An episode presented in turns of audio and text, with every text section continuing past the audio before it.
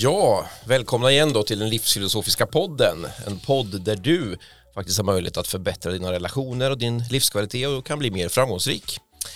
Eh, med mig idag har jag också som vanligt med mig Brian och Todde. Välkomna. Tackar. Ja, idag ska vi snacka om kommunikation. Jag hörde att ni eh, körde lite sån här Beavis and Butter där nyss. Det är ju, hur lät det? Det är ju kommunikation på hög nivå. Ja, hur låter det då? Ja, verkligen. Det är väl kanske inte just den kommunikation vi ska titta på idag då, men den är ju inte helt optimal då kanske. Va? Så. Ja, vi vill ju kanske göra den lite mer levande kommunikationen och då är ju så att kommunikation är ju liksom ett fantastiskt enkelt verktyg egentligen. Så med väldigt små medel så kan man ju förändra väldigt stora saker. Det är inte alla som pratar om det här varje dag men vi gör ju det nu då för att du ska kunna använda det här lite bättre. Om vi frågar Todde då först, eh, vad är det egentligen som är betydelsen om vi ska titta på det grundläggande, mest grundläggande? Det är ju att överföra idéer. Det är vad det handlar om. Jag tänker också på utbytet. Är det viktigt skulle ni säga i en kommunikation? Att båda känner sig liksom delaktiga? Ja, det viktiga med kommunikation, det, alltså om den ska vara levande, det är att det händer någonting när man kastar idéerna mellan sig. Och det är som vi säger, man ska öka förståelsen med hjälp av kommunikation. Och det är ju det det handlar om hela tiden. Även om man när man kommunicerar kanske upptäcker att den andra personen inte alls eh, är så som man hade tänkt sig, man kanske till och med kan bli besviken, så är det bättre, man får en, man får en bättre verklighet på den personen genom att lära känna honom bättre. Och det är det det handlar om. Och bygga sann vänskap handlar ju om att, att kommunicera och lära känna varandra. Eh, Vad, vad säger du Brian om att det här är ett fantastiskt verktyg? Nej, men det håller jag ju med om såklart. Det är ju grunden i relationsskapandet. Eh, kan vi skapa en förståelse och en ökad förståelse för varandra så är det ju eh, guld värt. Just det man tittar på när vi inte riktigt förstår varandra, det blir missförstånd, vi ser det mycket både ja, hemma, eh, på jobbet, vad det nu är för någonting, så blir det ju problem som en full konsekvens. Så just det kunna då framförallt liksom, eh, ja, lyssna och vara tydlig och ge tydliga bekräftelser, det är det är, en, eh, ja, det är ett fantastiskt verktyg när det verkligen funkar. Mm. Du då Todde, du har ju sysslat mycket med kommunikation. Ja, jag vet när man raggar brudar så är det väldigt nö- nödvändigt att kommunicera. Annars händer ingenting. Okej. Ja, förutom det då, är det något annat som är fantastiskt? Ja, när man ska studera så är det väldigt viktigt att man kommunicerar så att man lär sig det som eh, man behöver lära sig för att, för att eh, få, få grepp om det ämnet. Så det är jätteviktigt med kommunikation. Det gäller ju både relationer och eh, relationer till ämnen man studerar. Mm.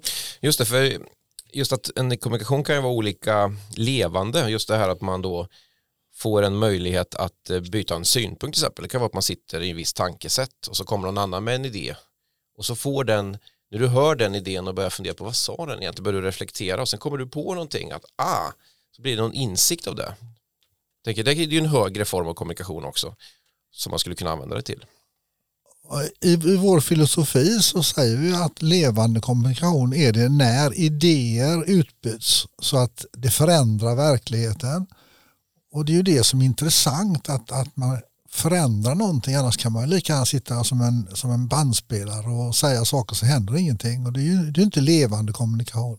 Mm, nej, precis. Och just det, jag slog upp ordet här. eh, eh kommun då betyder tydligen gemensamt ett latinskt ord. Och man, oftast här på arbetsplatser kan man ju se det kommer ut massa mejl från någon chef och det blir någon form av envägskommunikation. Så här, hur gemensamt är det egentligen? Eller vad säger du Brian, du som varit ute? Ja, ibland så får, måste du givetvis bara informera, så är det idag. Samtidigt så är ju hela idén bakom kommunikation att den ska just leda till en, en ökad förståelse.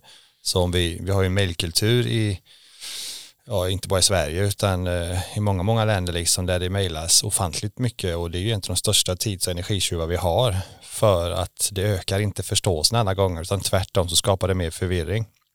Och dessutom så ökar vi då, eller försöker vi lösa den problematiken med ännu mer mejlande då. När det kanske många gånger är bara genom att gå in till kollegan som sitter två meter bort och ställa en fråga så har man löst det på en kvart, 20 minuter. Så ehm, jag, jag, tänker metoden är ju inte det viktiga, det viktiga är ju resultatet. Men man behöver förstå idén om att kommunikation ska i största möjliga mån leda till en ökad förståelse. Sen får man hitta olika former för det. Du sa ett ord, energitjuvar, kan du definiera det? Ja, det kan jag göra. För man tittar på en relation så behöver vi, och inte bara en relation, om man säger som en, en eh, yrkesroll så behöver vi få ett utbyte där det ges och tas.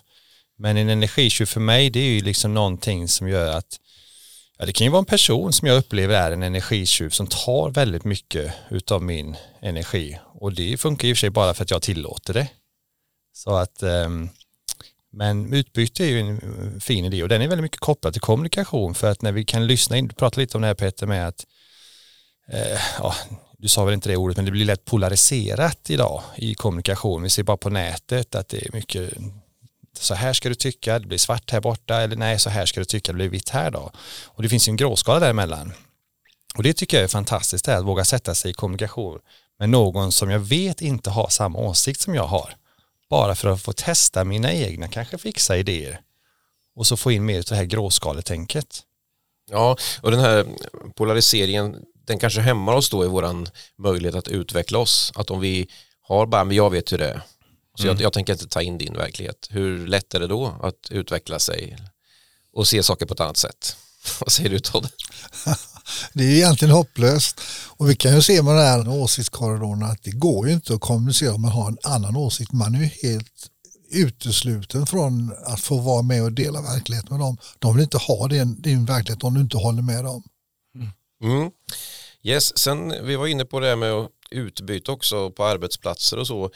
Du var inne på energitjuv. Jag tänker just en vanlig grej är ju att, att man startar upp eh, kommunikation eller snarare att du låter någon annan starta upp en kommunikation. Säg att du sitter med dina arbetsuppgifter och är väldigt inne i dina saker och så kommer någon och ja, egentligen sitter du så koncentrerad så att om någon börjar och frågar dig göra massa saker och sånt så kommer du att tappa din möjlighet att göra färdigt din grej.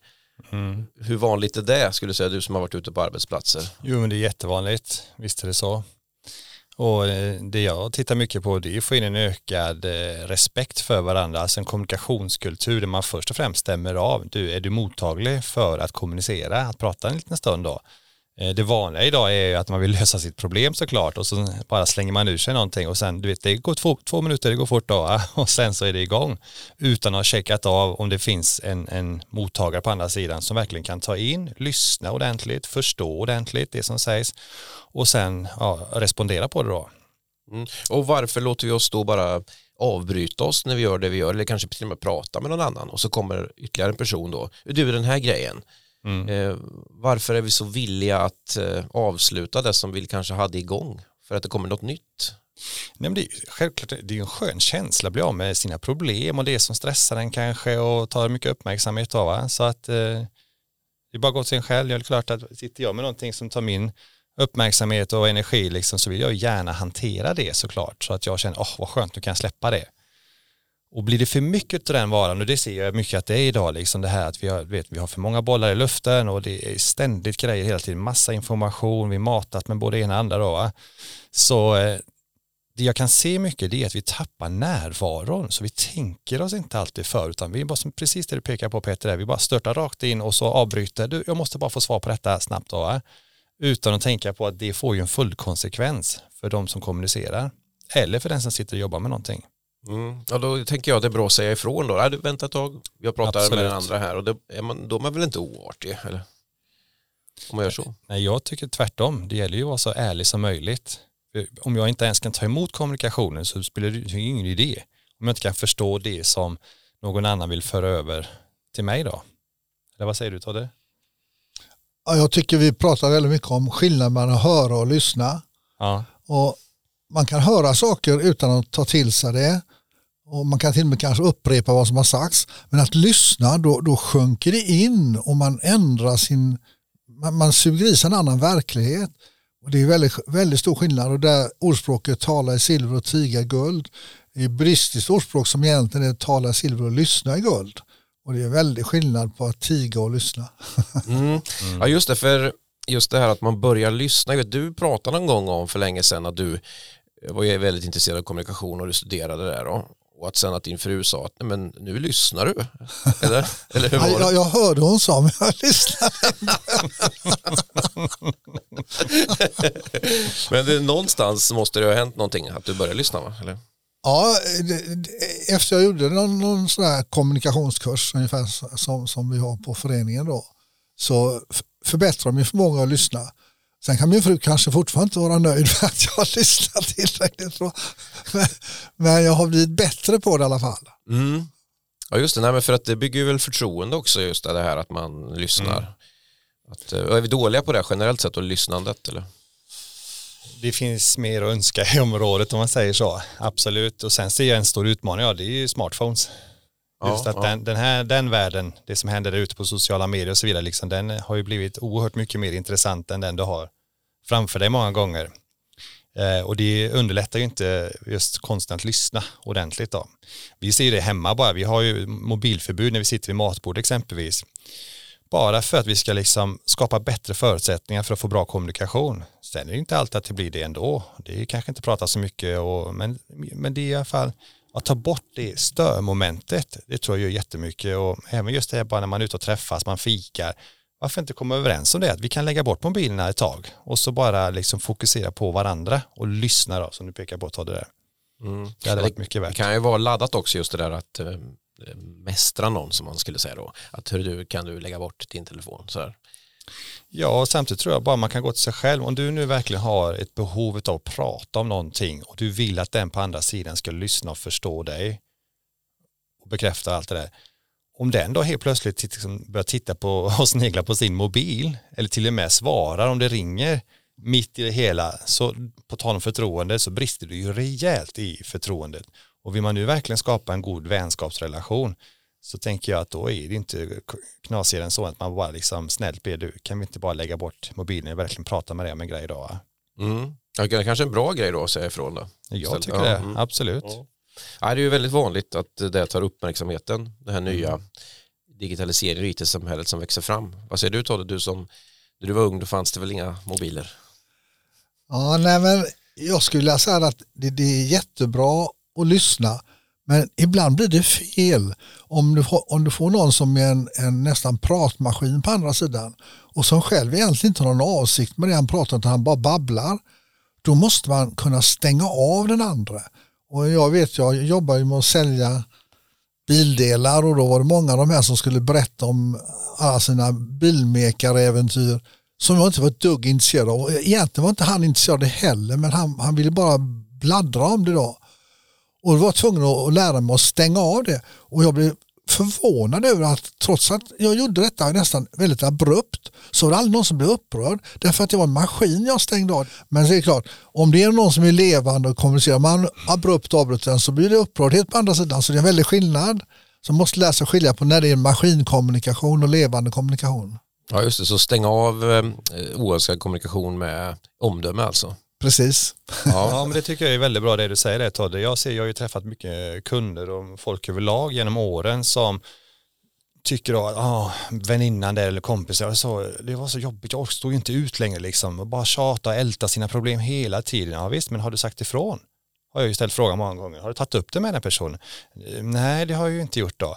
Så det där är lite lurigt det där också, liksom att vi tillåter många gånger det vi kallar den här energitjuven för att bara babbla på hela tiden. Kanske lite som en maskin också då, det blir mycket ältande. Men vi har ju ett eget ansvar också att faktiskt säga, du stopp, nu får det vara nog. Eller som en, en väninna till mig sa, hon berättade om hon har hanterat eller hjälpt sin väninna då, liksom i det här, när hon ältar på och sa att du, nu får det vara nog, nu har du förbrukat din rätt till att gnälla, sa hon då. Och det tyckte jag var väldigt bra. Ja. Och vad han egentligen pekar på det är det här liksom, du måste ju göra någonting åt din situation. Annars så blir du ju ett offer i detta då. Mm. Och det, jag tyckte det var väldigt bra det här, det egna ansvaret att nej, det här det blir inte levande som vi pratar om. Då måste jag försöka styra upp det så man ökar förståelsen. då. Mm. Ja, det verkar ju ligga ganska djupt i den här svenska folksjälen att man ska liksom inte tillrättavisa varandra på det här sättet då, som ändå egentligen är vänskapligt. Ja, visst är det. För att eh, den andra personen, det kan ju vara att man tycker att den liksom tär på en och ältar sina grejer då i all evighet. Och sen så tycker man till sist, ja ah, men jag skiter i den här vänskapen liksom. Jag, jag går någon annanstans. Och det är ju inte heller bra, det är ju bättre då att ta upp det så att personen får en chans och förbättra sig. Jag vet, du hade också någon sån här grej i, ditt liv, du berättade om en vän som hela tiden pratade om sina grejer. Ja. Du berättade att ni var ute och gick där i Slottsskogen. Ja, men jag tog upp det till slut. Där jag kände att eh, det blir inte just det här utbytet. För jag hade ju också saker som jag ville prata om såklart. jag hade ju mina issues då. Och sen så eh, på den tiden satt jag mycket också i den här idén att man ska alltid vara snäll. Och då inkluderar det att jag ska ju lyssna på andras problem. Och han var ju en av dem som jag verkligen eh, och fortfarande tycker väldigt, väldigt mycket om då. Eh, så jag lyssnade och lyssnade och lyssnade men det blev inget utbyte ändå till slut för det tog ju inte slut alltså. Det kom ju hur mycket som helst. Så till slut var jag tvungen att ta upp det och säga du, du, jag, du måste lyssna på mina problem och annat också då för att det ska funka. Och um, han tog det jättebra. Så att efter ett tag så fann vi varandra på en annan nivå. Mm. Så, eh, så, det är viktigt att säga ifrån. Ja, jag har ju pratat mycket om vänskap i förra podden just och det här kan ju vara ett sätt att eh, förbättra vänskapsrelationerna. Mm. Just att, att kommunikation är ett sånt verktyg där du kan verkligen nå förståelse med andra. Eh, och även om det har gått väldigt snett tidigare i relationen så finns det ju alltid ett sätt att ta sig tillbaka tänker jag. Om man i alla fall vill åtminstone reparera så pass att man ändå kan ja, prata vidare eller umgås kanske. Eller så. Mm. Eh, så, så liksom är det liksom lite av en hemlighet egentligen eller en lösning på hur man kan lösa en konflikt tänker jag att, att man börjar kommunicera eller vad finns det annars för sätt man skulle kunna göra om man har en trasig relation?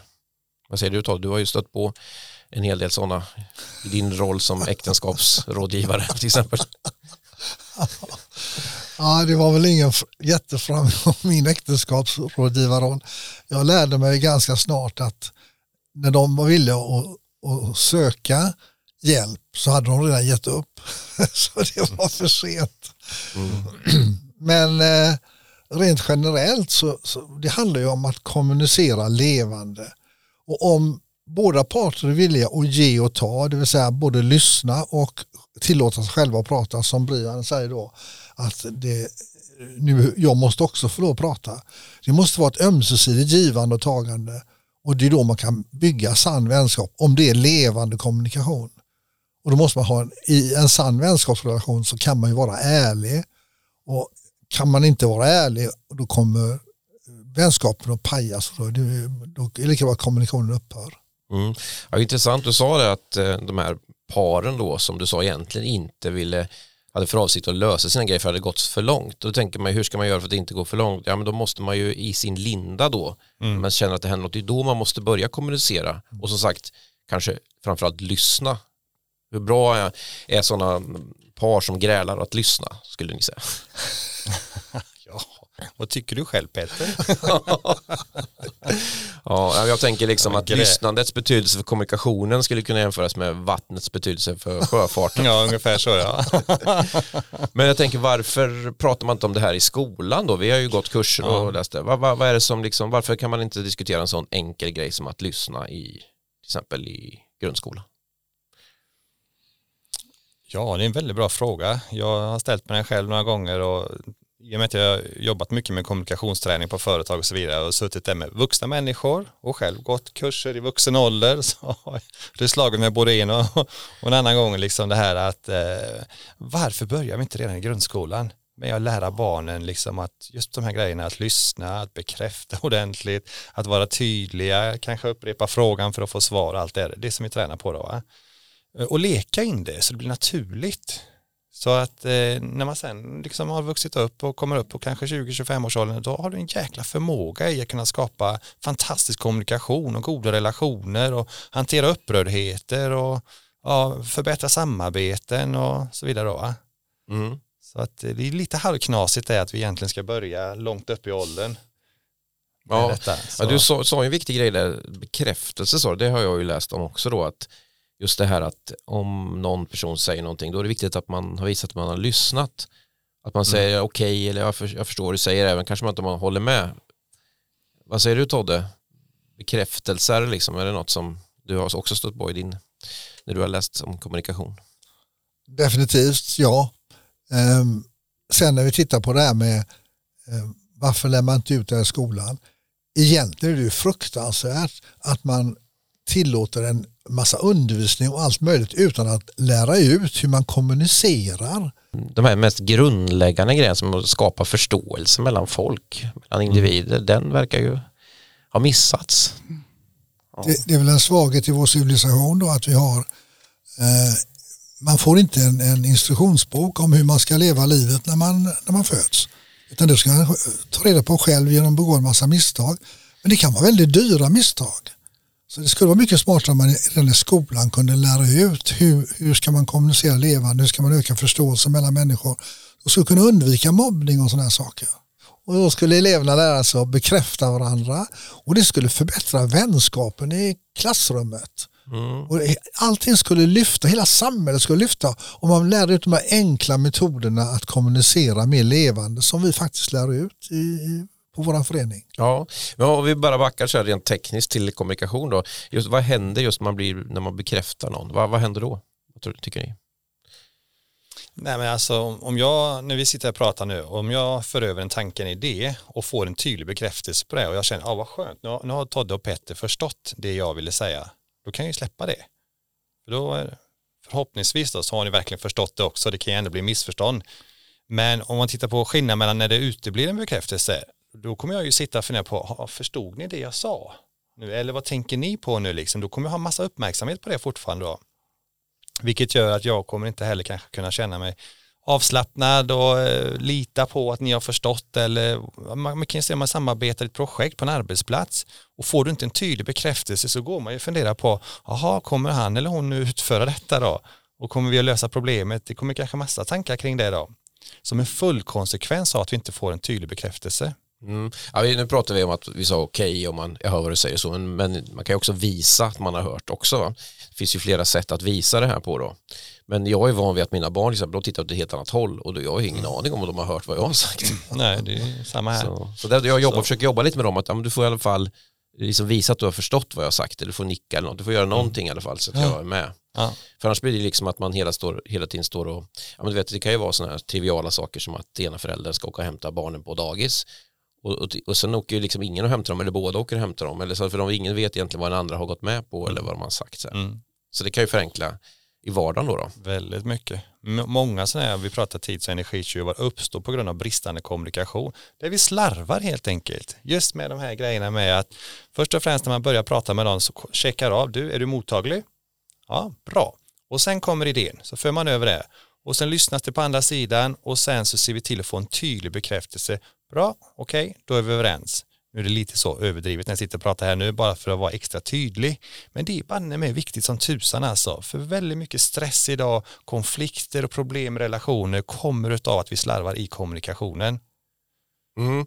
Ja, för jag tänker man behöver ju ha en, en tydlig avsikt. Alltså, mm. så här, alltså säger man vad, vad man menar och menar vad man säger. Det kanske är en bra grej att börja med.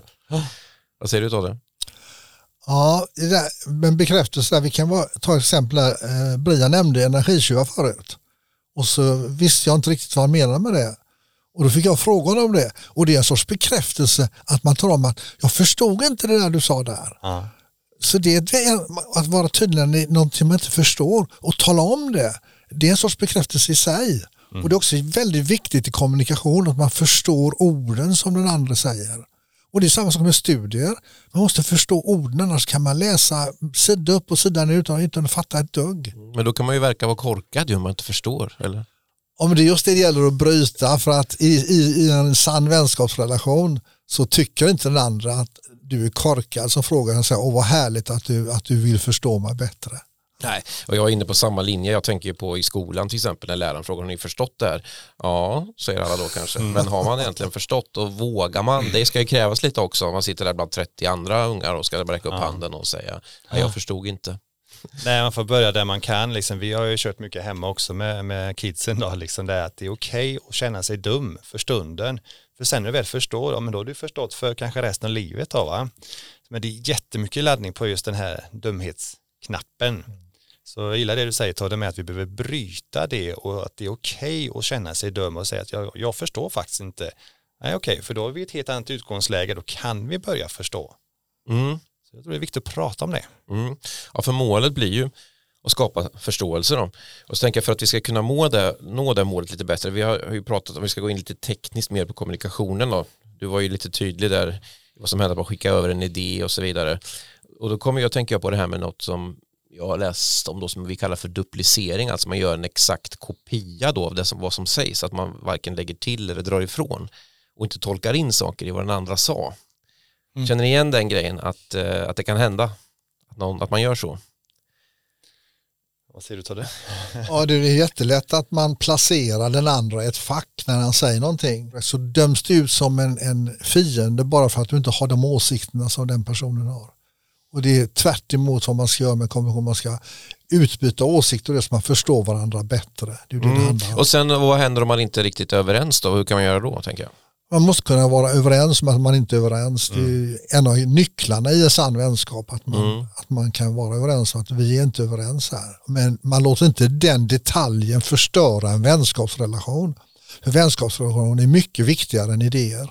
Mm. Precis, och det är ett väldigt bra exempel hur man når bättre vänskap just med verktyg i kommunikation då. Att man inte behöver vara överens om just saken i sig men att man kan vara överens om att man inte är överens då. Mm. Ja, det är häftigt. Eh, ja, jag tänkte om det var några mer sådana här detaljer i hur man kan kommunicera effektivare då. Eh, vi pratade om att bekräfta då den andra. Eh, har vi något mer där? Något Absolut, jag ja. tänker en sån grundparameter, förutsättning är att man kan konfrontera och då börjar man på tal om det du säger, ta det här med att det finns mycket missförstånd på ord.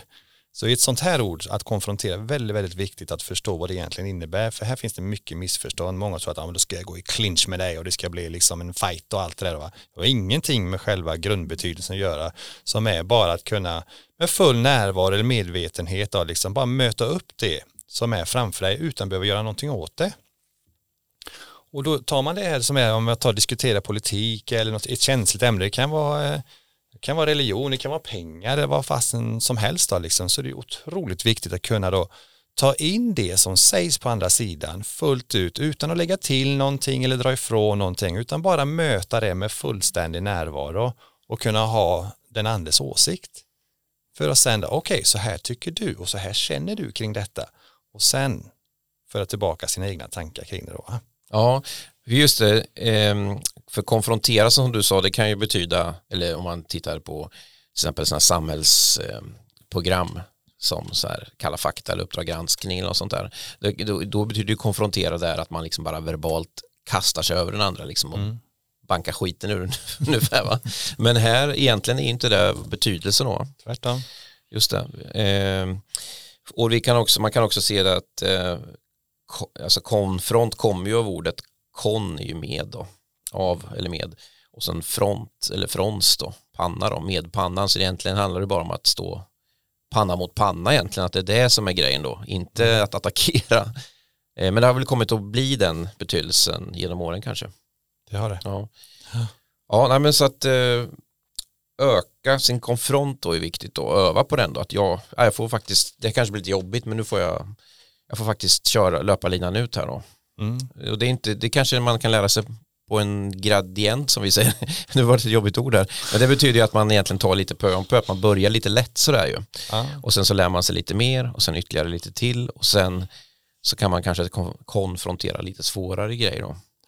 Men jag är väldigt förtjust i det Todde säger med att vänskapen, om vi har det som liksom det större, högre syftet att skapa riktigt goda relationer då tror jag vi lättare också vågar gå in i de här äh, diskussionerna där man kanske inte alltid är överens för man vet att det vi värnar mest om det är faktiskt relationen. Och jag, jag gillar dig som person och jag håller inte med om allt. Och det kan vi koppla på Voltaire exempelvis då, med hans fantastiska idé om det här att jag kanske inte håller med dig om allt du säger min kära vän men jag vill gå i döden för din rätt till att yttra dig det är ju ett fantastiskt citat mm. som jag verkligen älskar alltså. Ja. För den pekar väldigt mycket på det här liksom med hur viktigt det är att vi får säga vad vi tycker och tänker. Och samtidigt också koppla på det här med att om nu vänskapen faktiskt får bli det viktigaste så tror jag vi kan få helt andra diskussioner.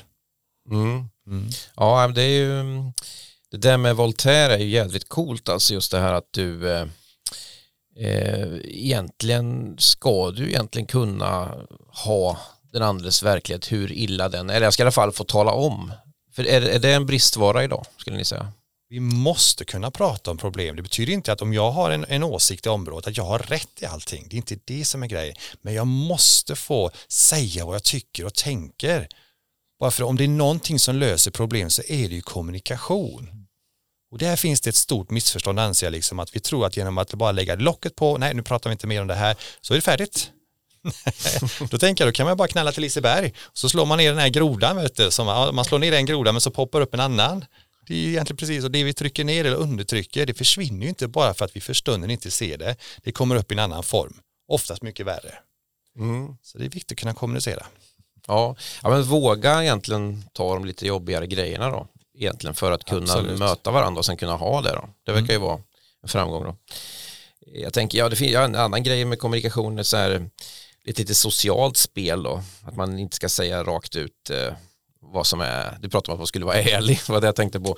Jag, jag såg, läste en serie som heter Larsson och då är det en bild på en kvinna då som är väldigt korpulent och så har hon en klänning på sig och så sitter hennes man då framför oss och går de fram och så visar de sin klänning och håller upp den så här och så säger de så här, eh, så här Lennart gör den här klänningen att jag ser tjock ut? Nej nej det är inte klänning det är fettet säger han då. Det, ska man vara så ärlig. Jag tänker ju på att man ska ju vara sann mot sig själv men man ska inte skapa mer upprördhet än man kan klara av att hantera då. Så att, eh, nej, man får ju se vem har jag på andra sidan, hur, liksom, om du är så brutalt ärlig och det blir hiskeliga problem med det så kanske det inte är så smart alla gånger. Nej, och det är väl också ärlighet med omdöme då, så att ja, säga. det var bra. I, I de mm. fallen där man kan dra på och vara ärlig så ska man väl vara det, för då tänker jag då har vi möjlighet att bygga den här vänskapen då, som mm. egentligen var lite syftet med det här då. Men roliga i det här exemplet är det, här, det är ju faktiskt kvinnan som, som skapar upprördheten genom att ställa den frågan. Det går inte att svara rätt på den. Ja, man, man kan ju linda in saker då. det, det är det då i sådana fall. Så hur skulle du svara om din fru sa så till dig, hon var väldigt fet? Ja, jag skulle nog säga att det är en kombination någonting. Hitta någon slags kompromiss som Tänk skulle kunna nu ha. på vad du säger Petter. Ja.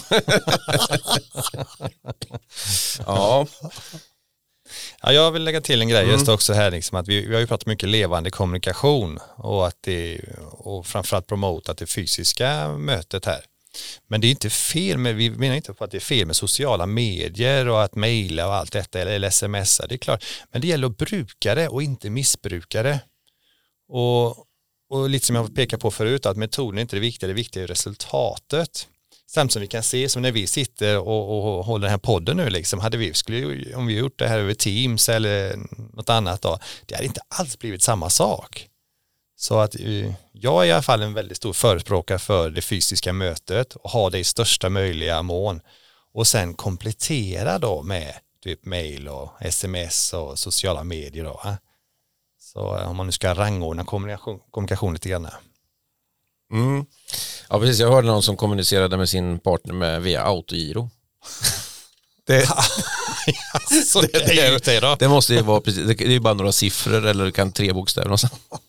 Det är inte så effektivt. Jag tänker sms är ju nästa nivå då. Mm. Just att vad jag kan se idag det är ju liksom att folk tar väldigt allvarliga och viktiga kommunikationer via sms. Mm. Det kan ju vara att någon, jag till och med hörde om någon, någon som gjorde slut med någon på ett sms. Liksom. Hur, ja. vad har man för möjlighet på andra sidan då? Nej det blir jättesvårt.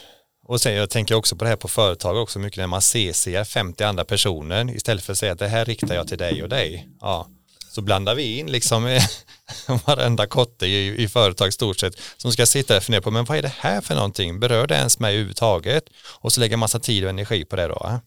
Mm.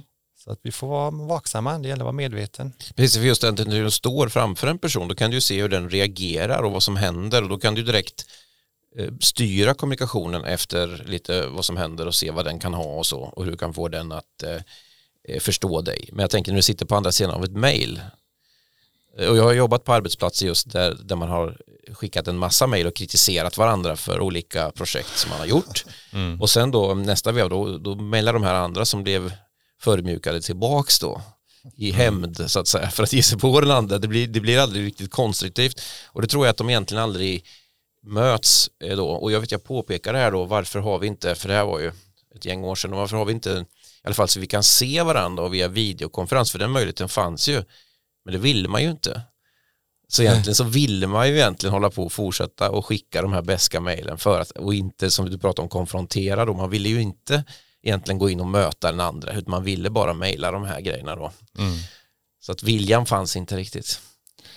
Nej, det är ju bra om den finns, att det finns en god avsikt. Mm. Att vilja skapa en förståelse och en god relation.